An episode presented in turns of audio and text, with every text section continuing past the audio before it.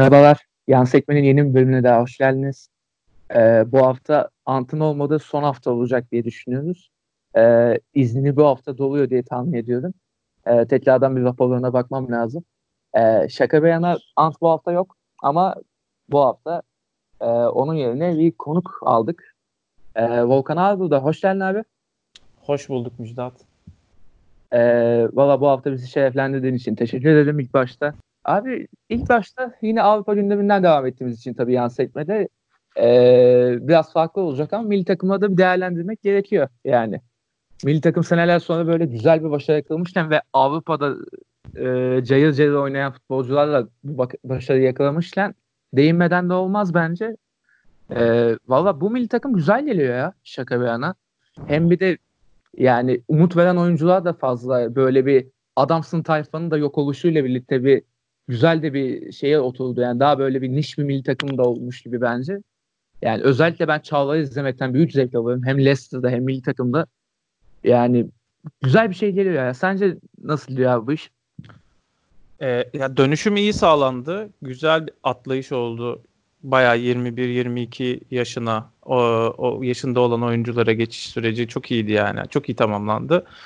Ee, yani adamlar tayfanın yarısı hala aslında kadroda ama Şenol Güneş'in e, hatırına e, bazı şeyleri alttan alıp görmezden gelmeye şahsen devam ediyorum.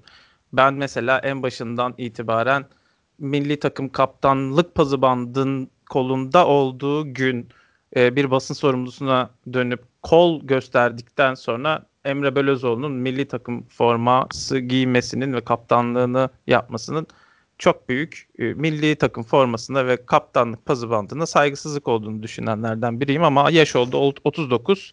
Kendisi de aslında isimli D-Max'te yayınlanan Bağış Erten ve Fuat Aktan programında itiraf ettiği gibi aslında sokakta da hani sahada çok kötü ama sokakta çok iyi deniyordu ya sokakta da o kadar sakin bir insan olmadığını itiraf etti 39 yaşında. Yani buradan hani parantez içi bir konuya girmiş oldum. Hani ya bir futbolcu gol atıyor diye, şut atıyor diye, iyi pas atıyor diye e, bir ülkenin en iyi konumlarından birinde yer bulamamalı diye düşünmekteyim. Devam edersek jenerasyondan yani ne kadar hmm, sevinsek az aslında böyle bir jenerasyona ve şansa şa- sahip olduğumuz için Şenol Güneş'in orada var olması çok daha e, katkı verecek bu gençlerin gelişimine. Çünkü e, adam öğretmen. Adamın pedagojik formasyonu var. Hani öğretmen deyip geçmek yerine pedagojik formasyon dediğimizde çocuklarla nasıl iletişim kuracağını çok iyi biliyor. Şimdi 60 yaşında bir adam için 20 yaşındaki Merih çocuk. 19-18 yaşındaki Ozan çocuk. E, yani bir e, öğretmen olarak, bir öğretici olarak ki teorik olarak bakarsak bütün antrenörler e, şeydir, öğretmendir, öğreticidir muhtemelen spor akademisi çıkışlı olanların çoğu da aslında okullarda çalışacakları için e, pedagojik formasyondan geçiyorlardır. Ve fakat bunu bir türlü gençlere aktarma konusunda problem yaşıyordu bütün hocalar anlaşılan e, üzere yani bugüne kadar belki Ersun Yanal'ın aldığı bir verimden bahsedebiliriz genç oyunculardan yüksek seviyede başarıya ulaşan. E, onun dışında Şenol Güneş kadar genç oyunculardan verim alan bir teknik direktör çok zor söylenebilir. Çok Ve bir sefere de yapmadığı için bunu e, yani bir sefer yapan, iki sefer yapan olmuştur. E, iki tane kişi ama Şenol Güneş Bursa'da Ozan daha 17 yaşındayken verim alıyordu. E, Trabzon'da e, yine genç oyuncular varken onlardan da e, verim alıyordu. Beşiktaş'ta e, en gençlerinden hepsinden verim aldı. Gal, e, şeyde milli takımda yine hepsinden verim almayı başarıyor. E tabii ki yurt dışında oynayan oyuncuların çokluğu bu aslında yurt dışında futbol oynuyor olmaları değil hani ilk 11'de yer buluyor olmalarına yaramadı. Diğer yandan Çağlar diyor ki Aa bu hafta da Griezmann çıkıyor. Ya geçen hafta da ben Pogba'yı durdurdum filan diyor. Harry Kane'i kestim. Hani aynen, sen kimsin ki? Ye hani o özgüven durumunda değiller henüz ama yani hani ben bunu biliyorum. Geçen hafta karşımda Gabriel Jesus Kunaguera vardı. Şimdi Giroud gelmiş. Ne olacak ki? Demiyordur ama yani bunun bir özgüveni vardır.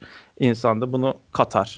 Bu yurt dışında oynama meselesi. Yani zaten bu yüzden e, futbolcular yurt dışında gidip oynamalı.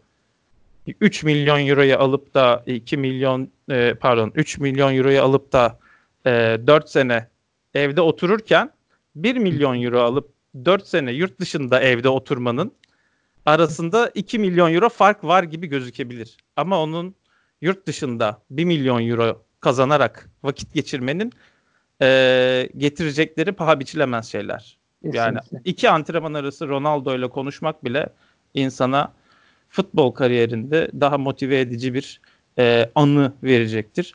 Bunun getirilerini yaşıyoruz bence biraz da. Ee, yani tarihte ilk defa hani ben milli takımın Avrupa'dan e, itibaren 96'dan itibaren oynadığı bütün şampiyonları izledim. Bilmiyorum ben 87'liyim sen kaçlısın. Ama ben hepsini izledim ve hani hepsinde de giderken böyle ulan hadi bu sefer gidiyoruz. Ah işte İsveç maçı Hakan Şükür son dakikada gol atar. Emre Aşkiki gol atar. Öbürü son dakikada bir frikik atar. Yani ya ne güzel şu İzlanda'dan bir puan alsak da gitsek artık son maça da hani Ahmet Kutucu Rahat oynasa, Enes oynasa filan diye düşünüyorduk ki Enes'in iki gol atması da bence Enes'in milli takım oldu. için motive etmiştir. Ya yani elde büyük bir başarı var aslında ama en başarılı jenerasyon bu değil. Çünkü sadece bir tane e, turnuva elemesi oynadılar. Ki aslında hani bir jenerasyon demek için de e, şey yapmak lazım. Hani biraz daha beklemek lazım. Çünkü biraz şey var böyle gençler ve abiler. Ya tam bir jenerasyon şey olmalı hani. Schweinsteiger, Philip Lahm ve Podolski hepsi 85'li. Hepsi 20 sene milli takımı götürdü. Tamam dediler. Hani böyle insanlar olduğu sürece tam bir jenerasyondan bahsetmek mümkün.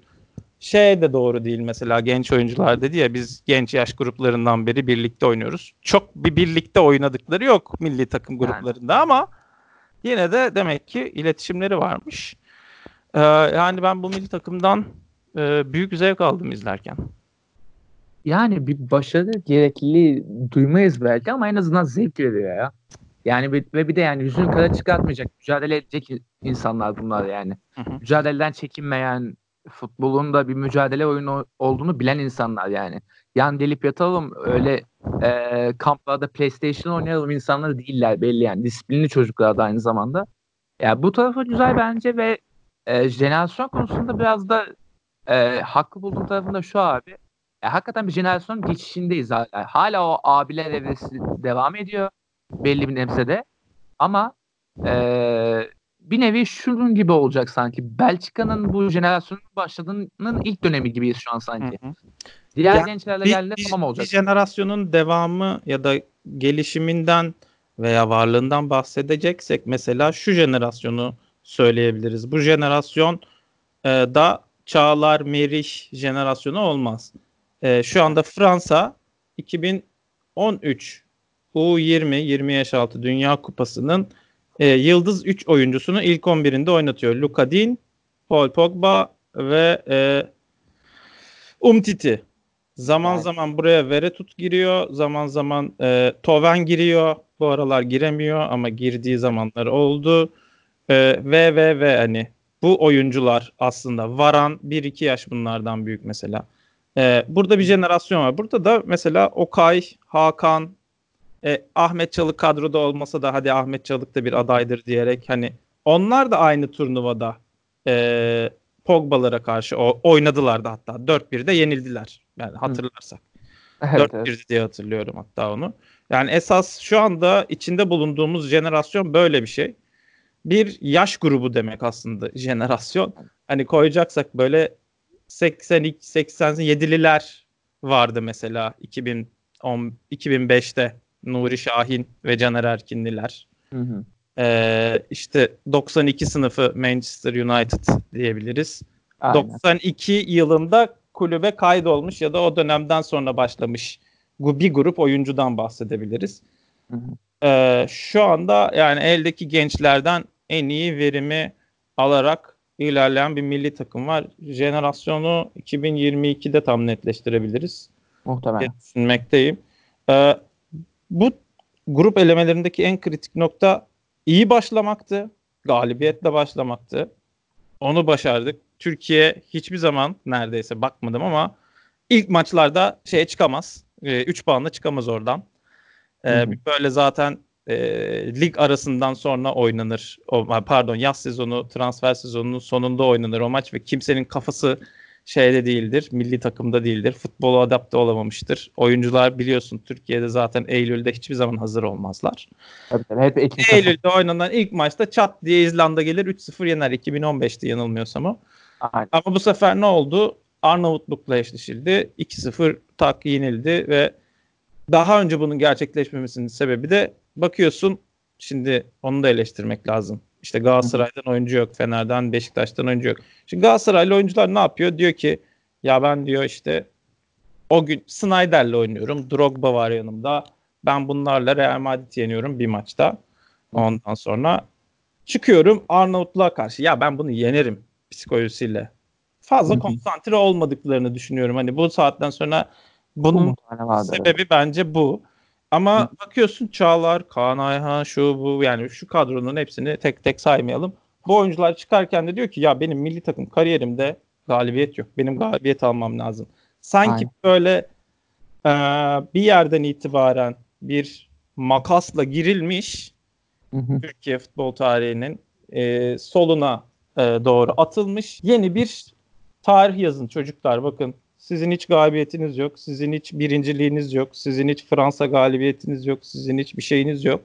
Ama diğer milli takımların ki bazı grup oyuncular da 15 sene oynadığı için hı kimlikleşmiş böyle bir şeyleri oluyordu. İlerleyememe durumları oluyordu. Kendilerini hı. yüksek görme durumu oluyordu. Bunlar da yok. İnşallah da olmayacak. Oyuna dair de şunu söylemek istiyorum. Biraz fazla kendimizi abartıyoruz yine. Hı hı. O da şu konuda akan oyunda hiç gol yemedik.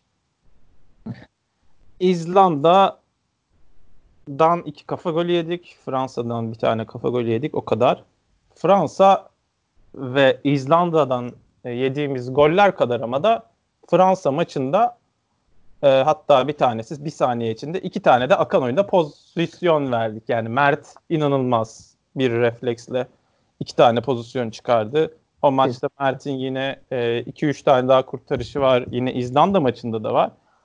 Yani akan oyunda gerçekten gol yiyip yemediğimizi anlamak için e, Fransa ile Almanya ile İtalya ile böyle üçer kez oynayıp üçünde de akan oyunda e, işte ne bileyim her takımdan birer tane gol yeme. Yani totalde ne diyor? 9 maçta birer gol yersen eğer Almanya ve İtalya ve Fransa ile oynadığın maçlarda akan oyunda demek ki sen evet bir yere kadar başarılı durabiliyorsun ama Hı-hı. şanslıydık. Bunu hiç e, şey yapmayalım. Hani bir Fatih Terim şansından bahsediyorsak burada da e, işte ne bileyim Fransa'ya denk gelmemiz grupta çok iyiydi. Çok güzel bir şanstı. Çünkü tarihe bak Dünya Kupası kazanan grupla e, takımlar sonra hmm. hemen başlayan elemelerde veya bir turnuvalarda bir düşer jenerasyonun yaş grubuna da bağlıdır bu. Almanya'nın Dünya Kupası'nda düştüğü hata buydu mesela. Aynen.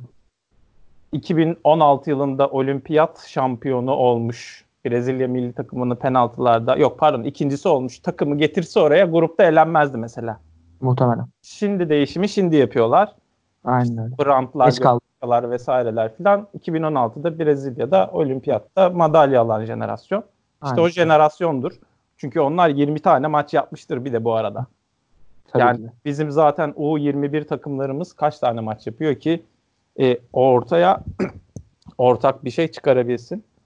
E, yani bu, bu kısma çok takılıyoruz. İşte akan oyunda gol yemedik vesaire olmadı. Yani Andorra, Moldova ve e, Arnavut'la akan oyunda pozisyon bir zahmet verme. Ben aynen Fransa ve İzlanda karşısında da evet İzlanda'da çizgiden döndük ikinci maçta. Diğer maçlarda da yani genelde e, vatan millet Sakarya oynanır bu maçlar. İyi konsantre olunur ve e, ne bileyim Hollanda'yı bir sıfır yenmişiz gibi zamanında, Almanya'yı bir zamanında yenmişiz ya da berabere kalmışız, yenilmemişiz gibi bir şey aslında Fransa maçları bence. Biraz öyle evet. Doğru. O yüzden e, yani Euro 2020'ye bakarken işte biz de akan oyunda gol yemiyoruz arkadaş havasıyla filan gidilmemeli.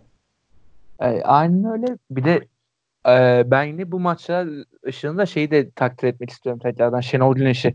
E, çünkü mantıklı davrandı ve yani grup lideri olacağım, şöyle saldıracağım, böyle saldıracağım gibi triplere girmedi. Yani e, ana akım medyanın beklediği gibi böyle yani grup lideri niye olmadı, niye bir puan oynadı? Abi gitmeye oynuyor adam ya. Niye yani? Sen doğru düzgün gidemiyorsun. Hep böyle elemelerde taklaya gelen bir ülkesin. Yani her an sıkıntı çıkabilir. Tamam takım savunması vesaire iyi şu an ama yani yine de sıkıntıya girmemek adına orada bir puan alıp kaçmak mantıklıydı mesela. Ya bu, maçında. Bu yaklaşım e, yani 3 puan neden alınmadı da Türkiye neden birinci gitmiyor yaklaşımı da olanların hepsi nankörlük yapıyor. Yani Aynen öyle.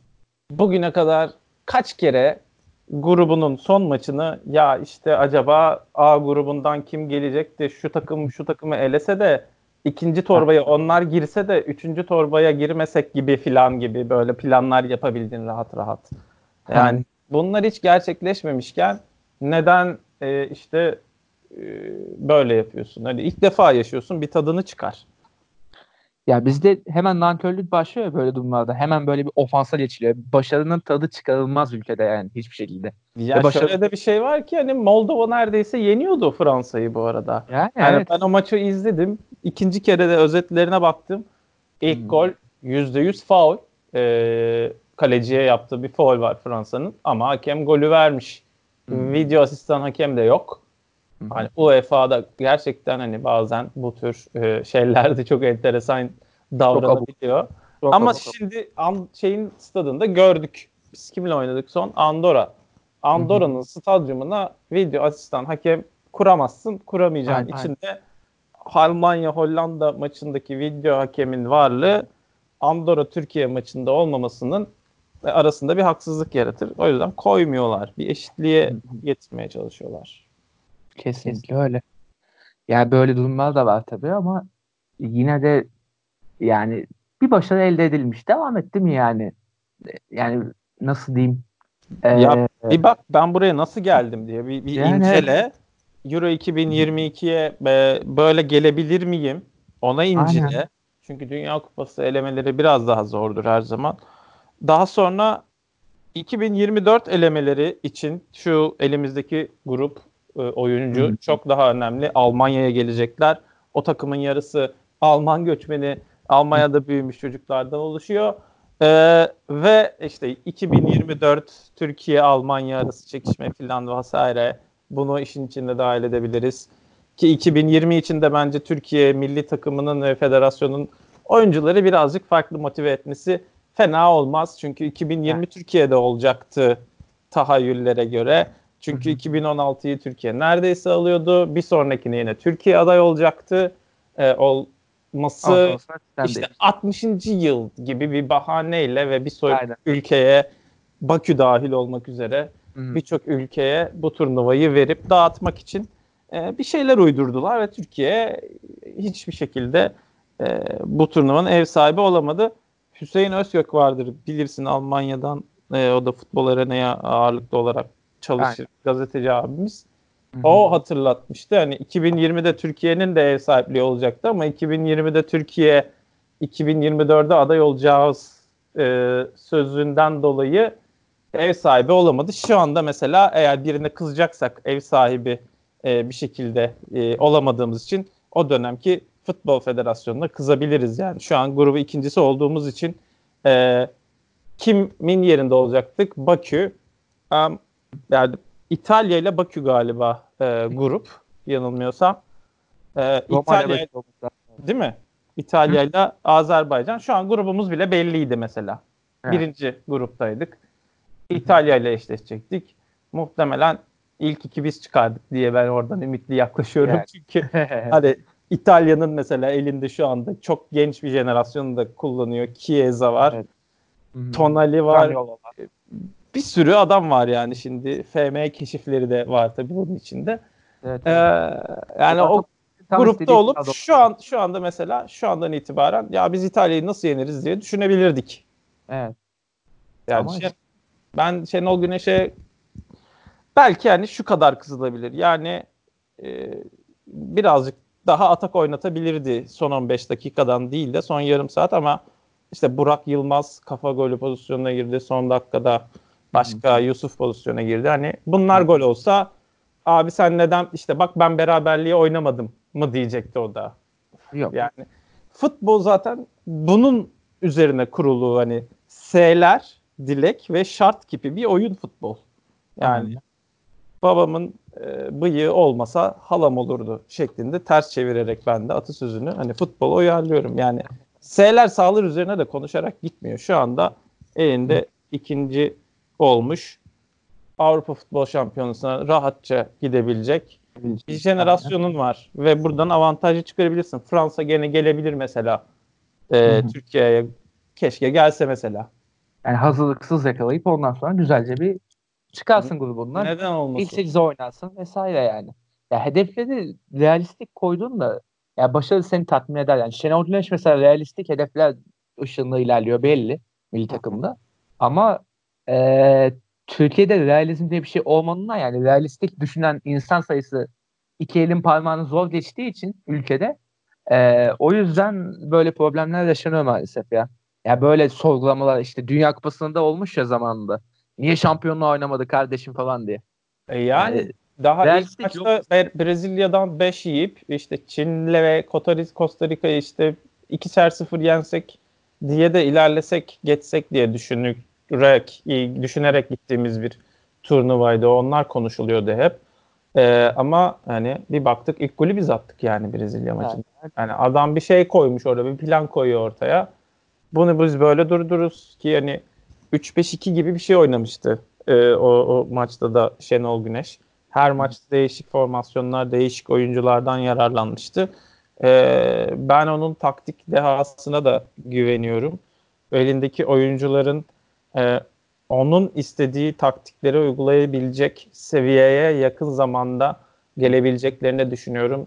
Çünkü bu acı itirafı aslında Arda Turan yapmıştı. Ben yurt dışında öğrendim 4-4-2 nedir? Maalesef. Nasıl oynanır e, diye.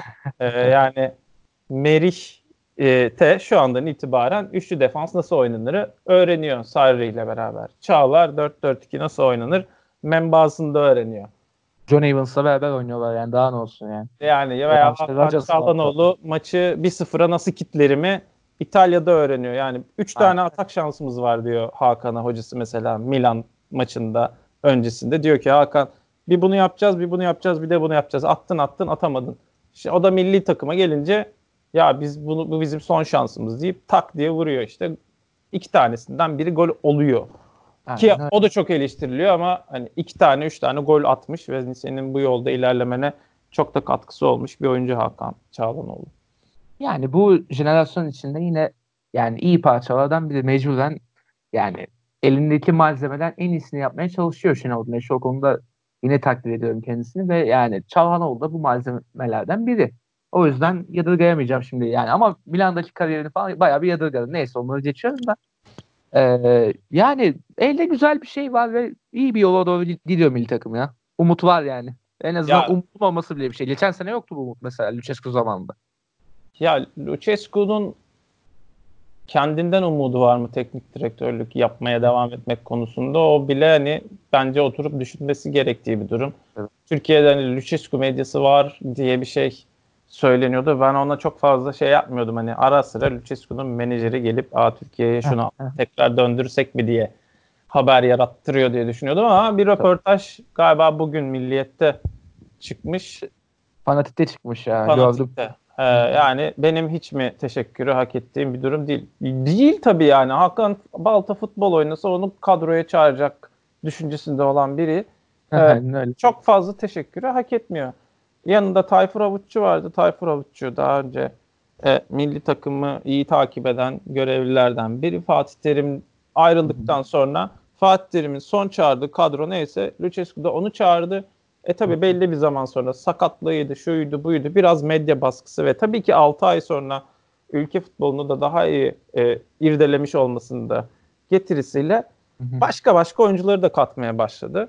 E yani e, Kaan Ayhan, Çağlar Soyuncu, Okay Yokuşlu, Ozan Tufan, Ee, Hasan Ali bunlar hep Fatih Terim'in döneminde aslında kadroya girmiş, oynamış. Sinan Bolat bu da dahil olmak üzere isimler ama adı hiç bahsedilmiyor bile. Bence aslında Lucescu'ya çok da fazla teşekkür etmeye gerek yok yani. Hatta Lucescu bence bize teşekkür etsin. Bu yaşında ona Türkiye milli takımında görev verdiler.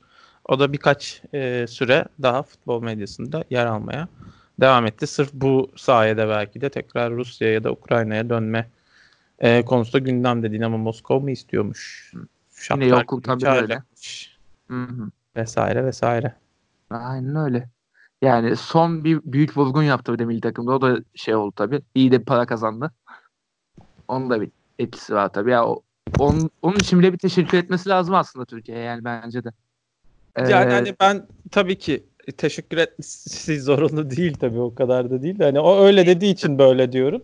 Ama. E, yani ol, elde olanı zaten e, kulüpten yani bir şey daha diyeceğim bir dakika. E, Lucescu ile alakalı. Arda Turan'ın ayağına kadar gidip o kadar yani kutsal forma ve kutsal bayrağın kaptanlarından biri olarak gazeteci dövmüş, hocasına belki de e, sövmüş bir adamın e, ayağına kadar gidip tekrar onu milli takıma çağırmış olduğu için de hani ben hiçbir zaman oyun unutmayacağım Lucescu'yu yani. Lucescu milli takım futbol tarihinin en hmm, çirkin hareketini yapmış. Kesinlikle. Yap, ve yaptıktan sonra da ben bunu yaptım.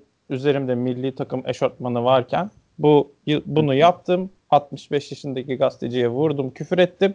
Bir ne olsa yine yaparım diyen bir adamı tekrar milli takım almak futbol tarihinin Türkiye'deki en büyük e, ayıplarından bir tanesidir. Yani bunun için Lucescu'ya ben teşekkür etmem. Kesinlikle öyle. Kesinlikle öyle. Valla Türkiye futboluna girince böyle bir e, tatsız konularda illaki açılıyor. E, yani yan sekmenin de mesela amaçlarından biri buydu aslında. Yani bu tatsız konulara girmeyin ama işte yani Türkiye'de başarıyı konuşurken maalesef bu konularda açılması gerekiyor yani. Çünkü yani cycle haline devam eden süreçler olduğu için illaki bunlar önüne geliyor ve konuşmak zorunda kalıyorsun tabii. Yani bizim de başımıza geliyor en nihayetinde. Yani en azından Süper Lig programında.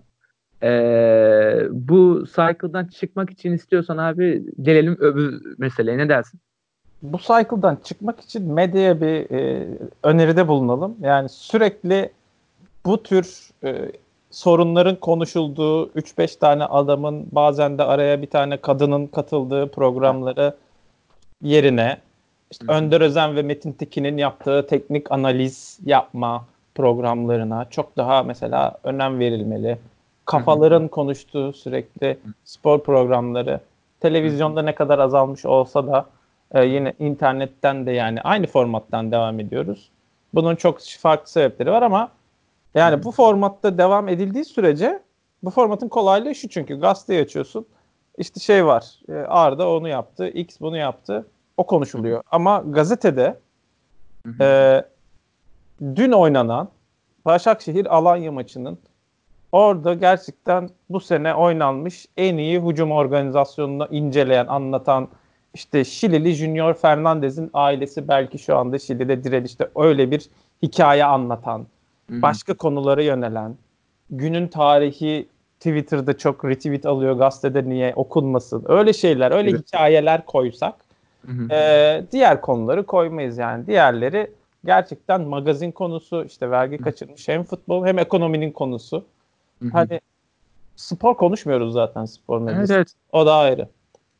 Ya ülkede yani, spordan ziyade drama, drama sevildiğini düşünüp böyle bir e, üstümüze bir drama bombardımanı yapıyorlar ama yani bu ülkede spor seven insanlar da var ve bayağı bir fazla.